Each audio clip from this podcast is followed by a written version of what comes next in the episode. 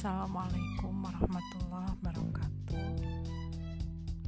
Semoga kalian dalam keadaan sehat walafiat di tengah pandemi karena COVID-19.